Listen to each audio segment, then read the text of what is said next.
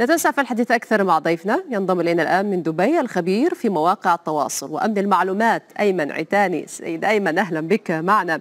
يبدو بأن عمالقة التكنولوجيا اليوم يدخلون وبقوة في منافسة محتدمة. ما رأيك في هذه الخطوة التي تقدم عليها الآن فيسبوك بطرح ميزة الغرفة الصوتية؟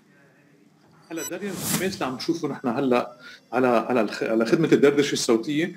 بذكرنا من كم سنة لورا على خدمة الستوريز اللي كانت رائجة بسناب شات وفي استعمال كثير كبير لها وبعدين في غير منصات يلي عملوا نسخة بتشبه شبيهة منها اللي من ضمنها انستغرام وفيسبوك وواتساب ولينكد ان وغيرها. فصار في هالحماس قبل فترة. وهالخدمه صارت موجودة لنا على كل المنصات المستعملة.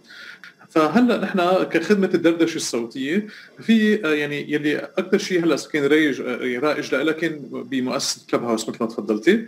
وهلا عم يعني نحكي يعني فيسبوك عنده إياها الخاصية مؤسسة سبوتيفاي عنده إياها الخاصية LinkedIn عم تشتغل على هالخاصية تويتر عندهم إياها الخاصية موجودة. فهيدي حنكون نحن كمستخدمين موجودة لنا كلنا وفيسبوك هو من اليوم بلش إنه تكون هي موجودة عنده. وفيسبوك هو عملاق كثير كبير بيقدر يأثر على عدد كثير كبير أيمن يعني هي ليست فكرة جديدة. يعني ذكرت المنصات الأخرى طرحت هذه الفكرة وكلب هاوس لربما الأشهر. بالتالي لماذا الآن تقدم فيسبوك على هذه الخطوة؟ هل هي يعني خطوة استباقية لعدم خسارة متابعيها أم أن متابعين فيسبوك أصبحوا في ربما في انخفاض بدأوا يتحولون على منصات أخرى؟ هلا هي خدمة كلب هاوس هي هي خدمة الدردشة الصوتية رائجة كثير وفي عدد كثير كبير من الناس عالميا اهتموا بهذا الموضوع وفي استعمال كبير بوقت قليل كثير بأقل من سنة. فهذا لفت نظر فيسبوك وغير المؤسسات إنه إذا نحن ركزنا على الصوت واضح إنه في اهتمام للناس بالصوت. وفيسبوك هي من زمان عم تشتغل على منتجات صوتية يلي بنت عمها بتشبهها. فمنشان هيك هن قدروا بفترة قليلة كثير لأنه هن شغالين كانوا على خدمات صوتية. لما شافوا في اتجاه بهالدردشة بهذه الطريقة قدروا هن إنه بطريقة سريعة كثير يكون عندهم هيدي الخدمة لحتى هن عندهم كذا مليار مستخدم إنه يقدر يستفيد من هيدي الخاصية وكمان بضل بضل يستعمل بضل بضل ضمن فيسبوك ما يستعمل غير المنصات بضل من ضمن عائلة فيسبوك وإنستغرام وواتساب عم يستعمل هيدي الخاصية.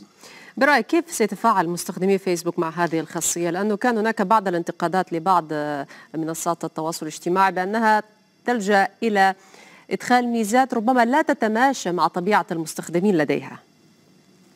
هلا إذا نحن بنشوف نحن آه، الخدمات الجديدة اللي عم بتكون اللي بفيسبوك أو انستغرام لما عملت خاصية ال Reels اللي فيها شبيهة لتيك توك وغيرها بنشوف نحن بالأول في الناس بتكون يعني قسم منيح منها مش عارف هذه الخاصية شو هي مش سامع فيها مش سامع ب Clubhouse وما فرقني معه كل هالموضوع كله.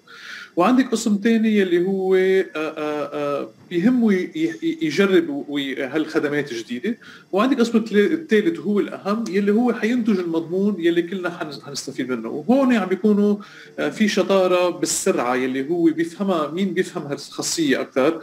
لينتج هذا المضمون للناس تستعمل فيها. وأكيد فيسبوك حتستفيد لأن كل ما يكون في ناس عم تنتج المضمون آه، حيكون في ناس عم تسمع آه، هذا المضمون وكلنا عم نضل ضمن هذه العائلة. ففي استفادة لفيسبوك من الموضوع أكيد. بالإضافة للاستفادة هل تتوقع بأنه يزداد مستخدمي فيسبوك مع هذه الميزة الجديدة؟ هلا اسم الله فيسبوك هو اكل الدنيا كلها يعني هو موجود يعني تقريبا كل الناس العالم اللي عندها إنترنت عندها فيسبوك فهذا ما في خوف إنه يكون في الاستقطاب هون شو عم بيصير فيه عم تستفيد فيسبوك إنه عم بتحافظ على هالعدد عم ضل تحسن يعني كيف المطعم بضل من وقت لوقت بيزيد صحون معينة بيزيد هذا هيك ساعتها بنضل نحن بنتابع بنروح بنتابع فيه هيك هيك بطريقة أحسن بضل عم يقدر ينافس غيره حتى ما يخسر هالمستخدمين يروحوا على غير على غير خدمات. شكرا لك أيمن عتاني الخبير في مواقع التواصل وأمن المعلومات كنت معنا من دبي.